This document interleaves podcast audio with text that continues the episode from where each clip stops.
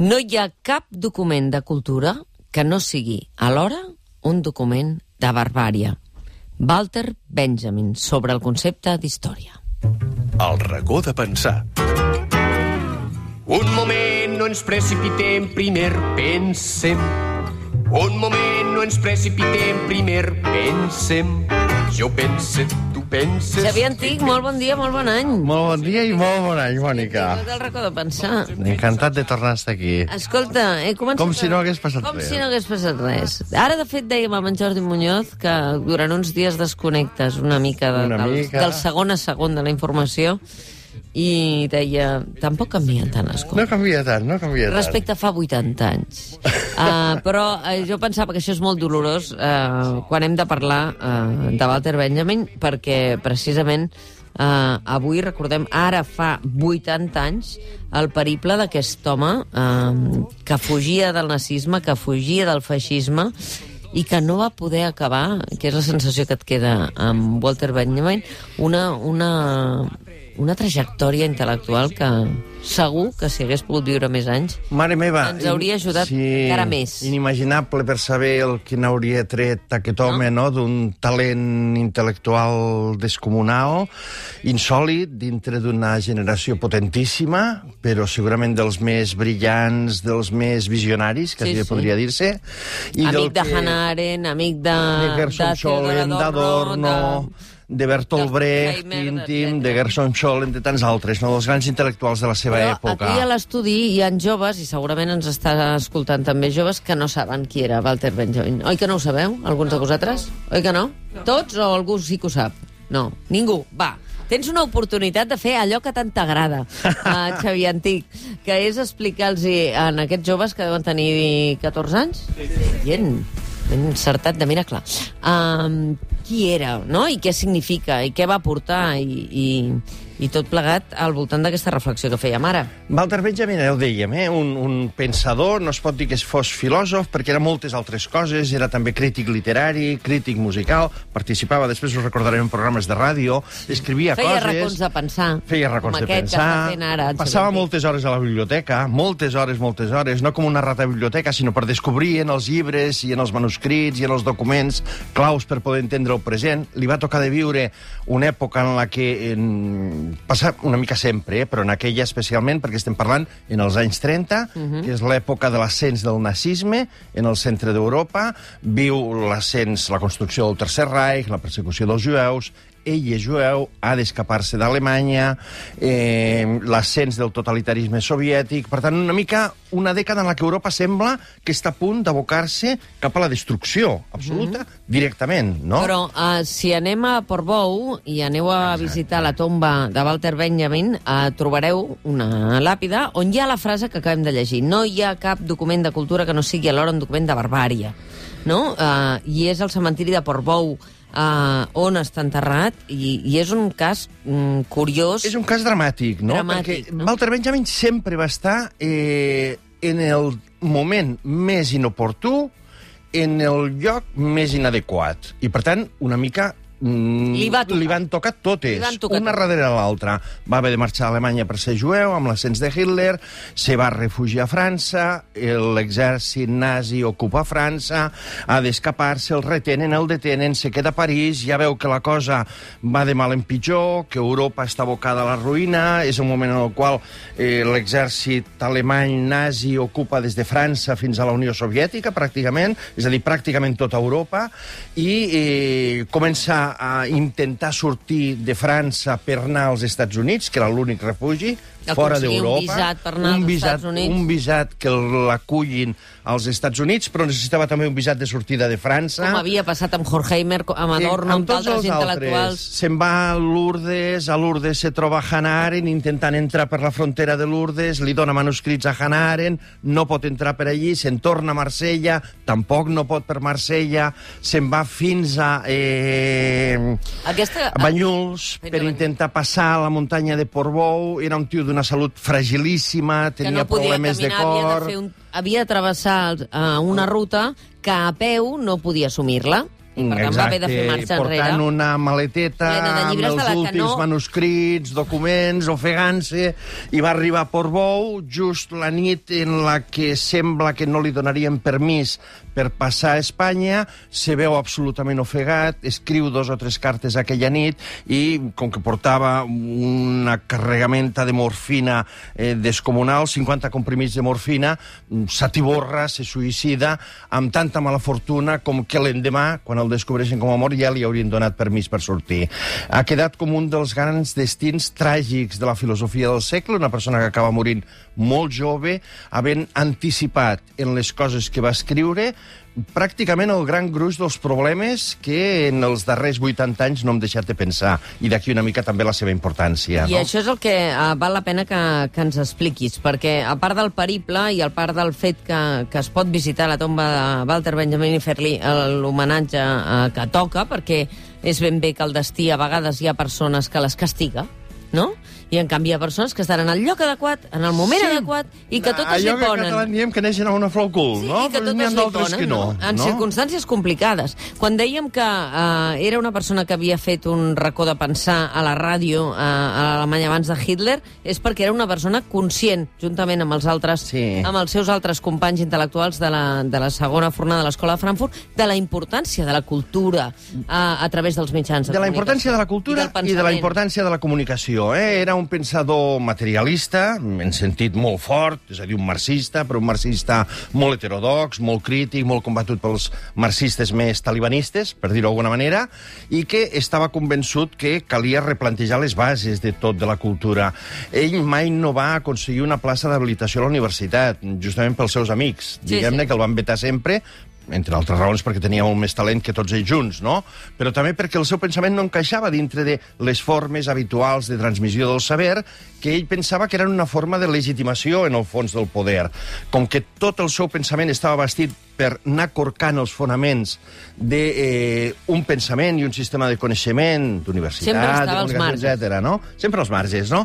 Que legitimaven el poder, l'autoritat i la violència, sempre va intentar, eh, en totes les seves obres, en totes les seves reflexions, sabotejar, podríem dir-ne, els fonaments sobre els quals se bastia aquest sistema que legitimava la dominació, encara que fos Roche per aquells que pretenien combatre-la, no? I d'aquí una mica la seva, la, seva, la seva incomoditat. Ell, enfront dels altres que estaven mm, allò obsessionats per publicar les obres amb el seu pensament, amb el seu sistema, amb les seves opinions, mm, No. no. Era més aviat al contrari, una persona que es dedicava a fer ràdio perquè estava convençut que la comunicació era una forma, o les formes de comunicació de masses emergents aleshores, Havien, havien d'utilitzar com a eines emancipatòries. Completament. no, Pensava que era una forma de pedagogia popular, no? És a dir, la forma de permetre, transmetre i fer accessibles coses a gent que no havia pogut tenir la sort, o el benefici o el privilegi de dotar-se d'eines per, a través de l'aprenentatge, disposar de l'instrumental per entendre el món i per combatre'l, no?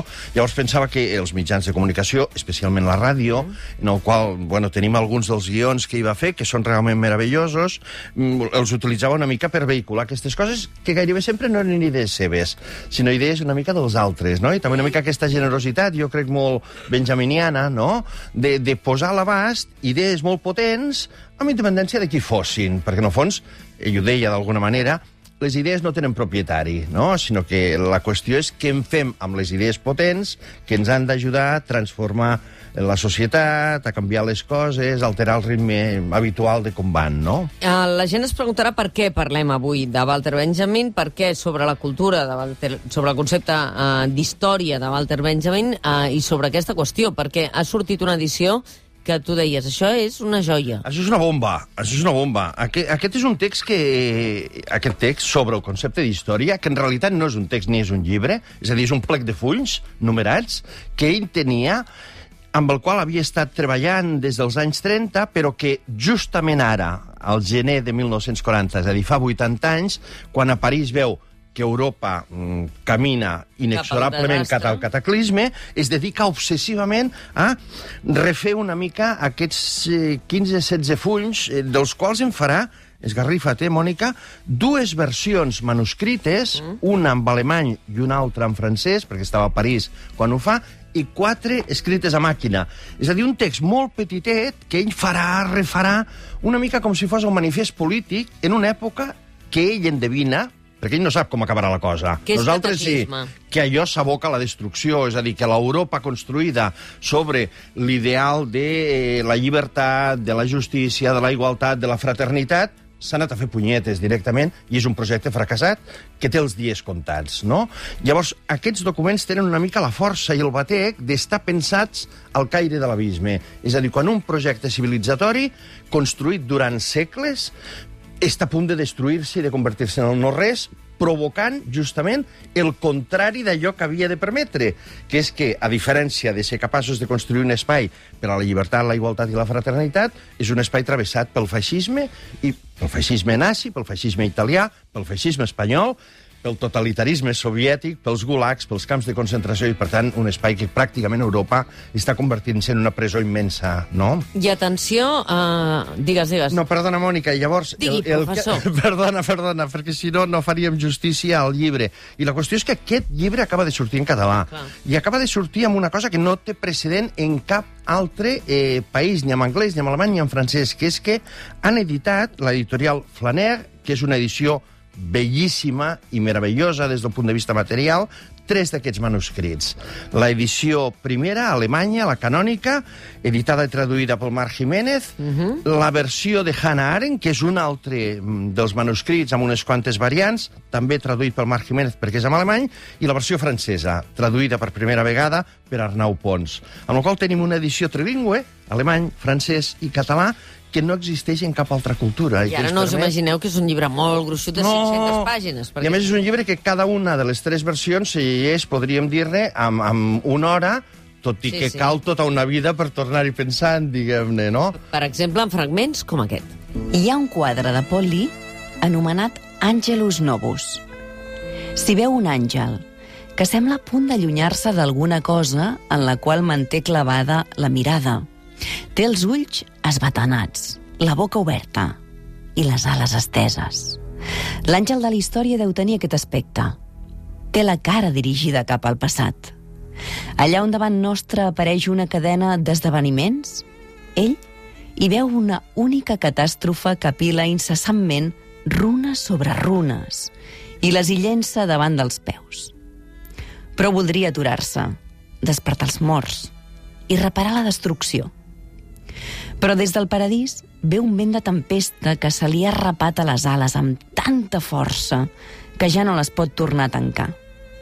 Aquesta tempesta l'empeny de manera imparable cap al futur, al qual dona l'esquena, mentre davant seu, la pila de runes, s'enfila cap al cel. El que nosaltres anomenem progrés és aquesta tempesta. Walter Benjamin, sobre el concepte d'història. Fragment 9. Hansel and Gretel are alive and well, and they're living in Berlin. She is a cocktail waitress. He had a part in a fuss, Binderville and they sit around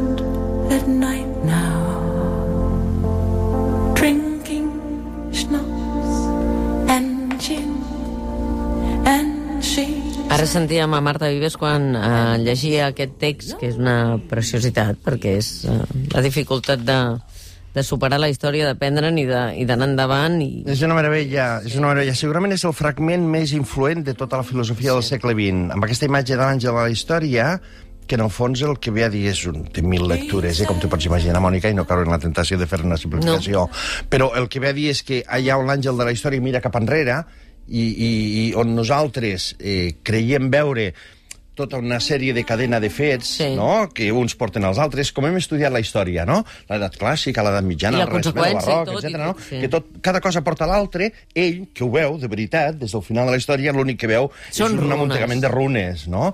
Llavors és, és d'una lucidesa visionària, no?, perquè anticipa com nosaltres avui abordem la història. Ja, no, ja sabem que la història no és un conte de fades, no?, que no és una faula que comença... Hi havia una vegada, no?, i que les coses van passant a poc a poc, encadenades, en causa-efecte, sinó que l'atzar hi té molt de jugar, que la història no és només una, una suma de papes, emperadors, reis i prínceps i dels poderosos, sinó que la història està trenada per aquests milions d'històries de gent anònima, mm, De a partir del sofriment de de, les, humà. de factor humà, no? de coses imprevisibles, i que l'hem d'abordar una mica amb aquest caràcter eh, no encadenat, no determinista, que en el fons és una manera de contestar al feixisme que el que postulava era justament aquesta idea de la història monumental, no? del passat gloriós de l'Alemanya eh, com Sí, la sí. capital central d'Europa, que porta la il·lustració, que després... Bla, bla, bla, bla, bla, no? Idees claus d'aquest eh, llibre, perquè tots entenguem per què és important. Ara sentíem a Marta Vives dir Balta Benjamin, no,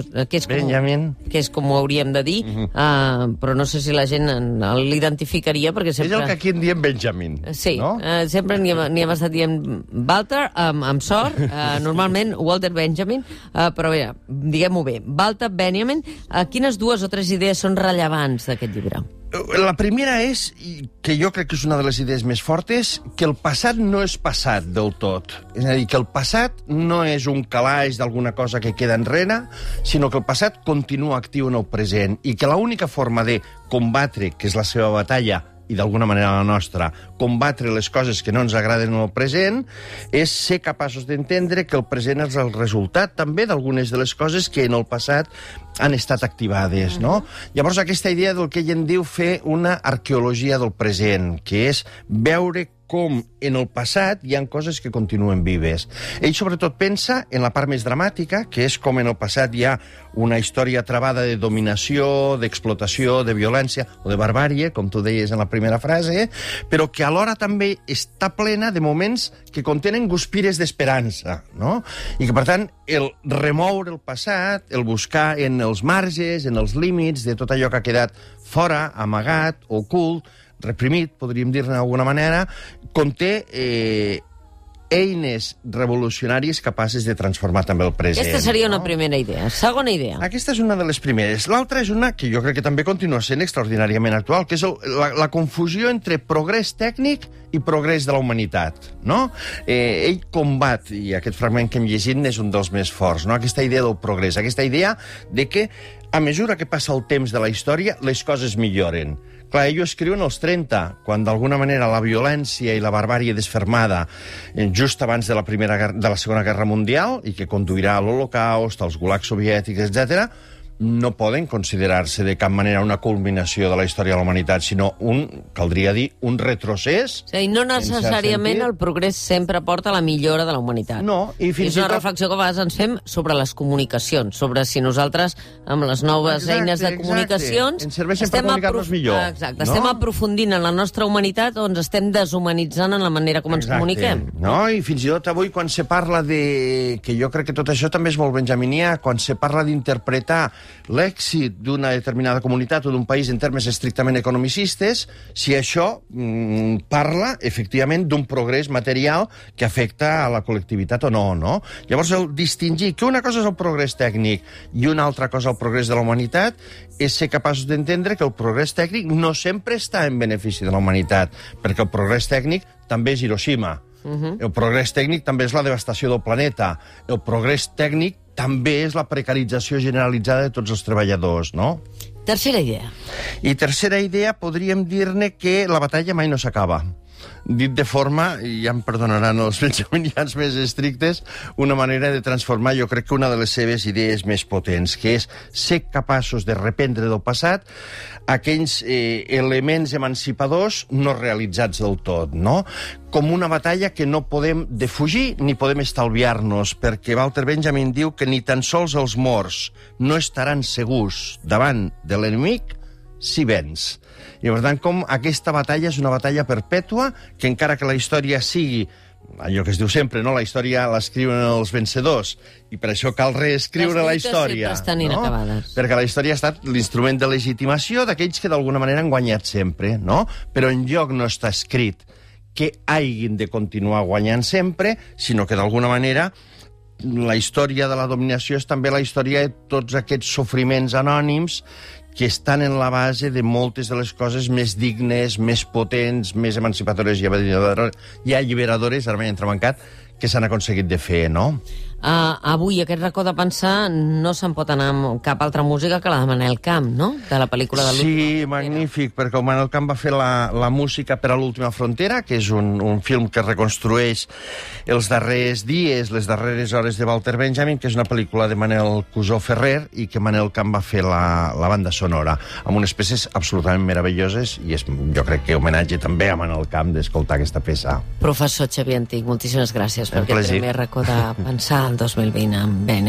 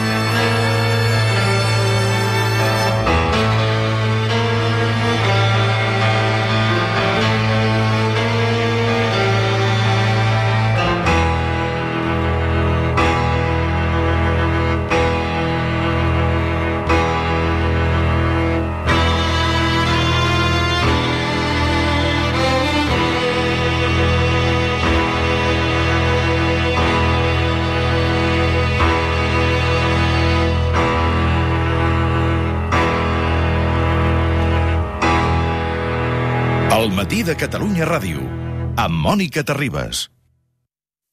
Endesa us ofereix l'efecte papallona. El projecte científic Dofins de Tramuntana treballa per implicar pescadors i empreses nàutiques i altres sectors en l'estudi de dofins i cetacis del Cap de Creus i el Golf de Lleó. Manel Gazo, director de Submón, entitat que promou el projecte. I estem mirant doncs, quin tipus de grups són, quines mides de grup hi ha, si estan més en cries o menys en cries, si hi ha alguna relació quan els pescadors van a pescar un tipus d'espècie objectiu o d'un altre. Amb aportacions dels pescadors s'han comptabilitzat més de 500 dofins i un possible punt de cria al nord del Golf. L'efecte papallona. A la web de Catalunya Ràdio hi teniu tot el programa disponible. Endesa us ha ofert aquest espai.